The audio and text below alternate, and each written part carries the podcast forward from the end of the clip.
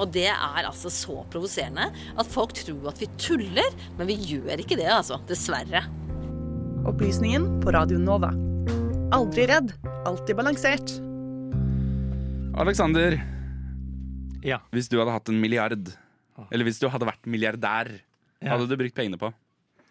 Um, jeg tror ikke jeg hadde flytta til Sveits, men, men, men jeg, jeg, had, jeg tror jeg hadde reist ganske mye. Ja. Ja. Mm.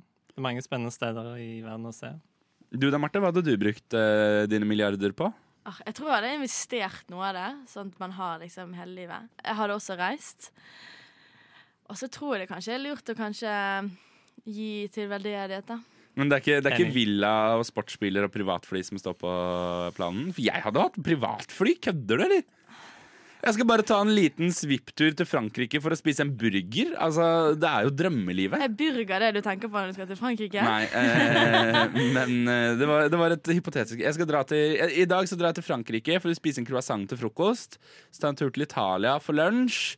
Kanskje jeg flyr ned til Egypt og spiser noe deilig middag der. Altså, liksom, tenk på mulighetene ved et privatfly, da! Ja, det tror jeg hadde vært veldig deilig. Dere er Men- så utrolig fornuftige. Jeg orker ikke. Vi skal reise, og så skal jeg investere pengene, sånn at jeg har penger resten av livet. Bruk dem opp! Men litt av et uh, fotavtrykk du legger da, alle disse flyturene dine. Det hadde du betalt klimakvoter for det? Ja, ja, ja, selvfølgelig. De har jo, de har jo milliarder av penger. Uh, vi skal til Yvonne Chinard. Har dere hørt om han før? Nei, må jeg innrømme. Så Nei. vidt, så vidt. På grunn av nyhetene. Han er eh, milliardær, og han er kanskje verdens mest unormale milliardær. Mer om det ja, nå.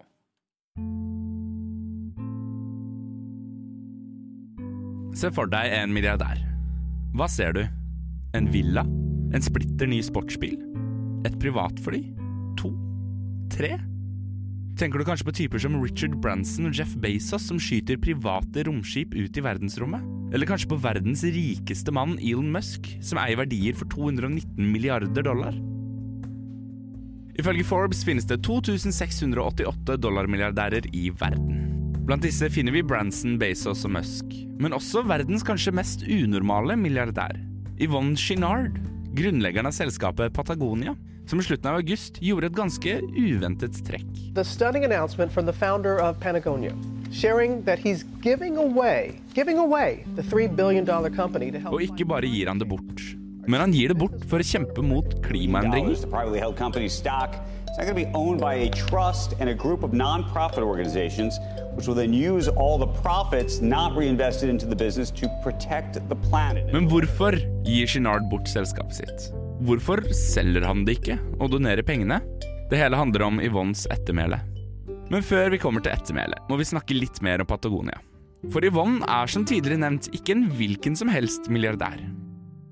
Spør du Elon Musk hvilke tanker han har om Tesla, eller Petter Stordalen om Choice-hotellene er hans største prestasjon, vil de begge trolig svare ja. Yvonne ville nok ikke vært like positiv. Og forklaringen finner vi i selskapets historie. På 60-tallet var Chinard en hyppig fjellklatrer. Han var blakk, bodde i bilen sin, spiste kattemat og besteg fjelltopper med en gruppe andre. Yvonne oppdager på et tidspunkt at utstyret de bruker for å klatre opp, ikke bare får dem til toppen, men at det også skader fjellveggene. Han begynner derfor å utvikle bedre utstyr, og starter en liten bedrift som produserer og selger dette utstyret. Og over tid fører dette frem til Patagonia, slik vi kjenner dem i dag. Shinard er ikke interessert i å bli en forretningsmann, men selskapet bare vokser og vokser. Several uh, times in my life when I woke up and I realized I was part of the problem and that I should do something about that. Derfor gjør han det han kan for å gjøre selskapet bedre. Både for miljøet, men også for arbeiderne. Selskapet blir en pioner i arbeideres rettigheter på amerikansk front. Du får muligheten til å ta ut full fødselspermisjon, jobber fleksitid, og på arbeidsplassene blir det etablert barnepass. På klimafronten er Yvonne en av grunnleggerne av 1% of the Planet, et initiativ der selskaper gir 1% av inntekten sin til klimakampen. Og han er også en pioner på økologisk bomull og bruken av resirkulerbare materialer i klesproduksjonen. I dag er Yvonne 83, og har de siste årene vært bekymret for sitt ettermæle.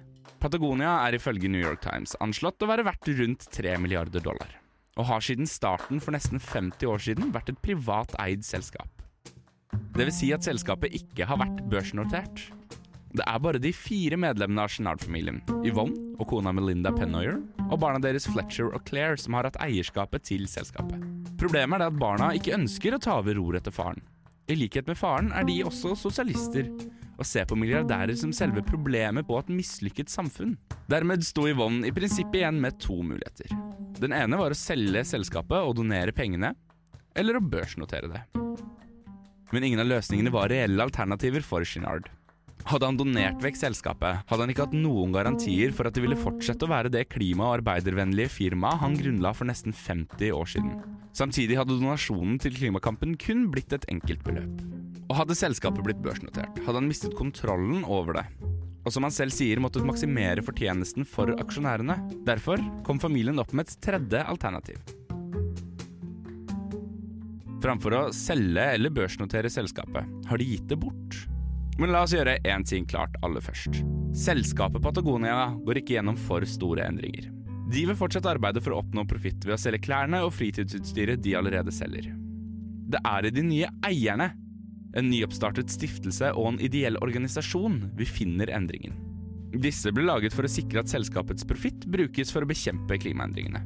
2% av selskapet, styringsaksjene, er nå heleid av Patagonia Purpose Trust, som sørger for at Yvonnes visjon opprettholdes, og at all profitt som ikke reinvesteres i selskapet, anslått til å være rundt 100 millioner dollar årlig, brukes i kampen mot klimaendringene. Og for å beskytte uutviklet land over hele verden. På denne måten sikrer Shinard at selskapet i fremtiden også vil være den miljøforkjemperen han alltid har ønsket at det skal være.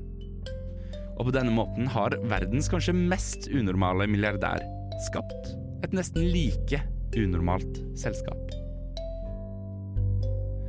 Reporter i denne saken, det var eh, undertegnede Sander Zakaria. Eh, Lyden i innslaget er hentet fra eh, Good Morning America, NMMBC, og fra et intervju han har gjort med podkasten Climate One.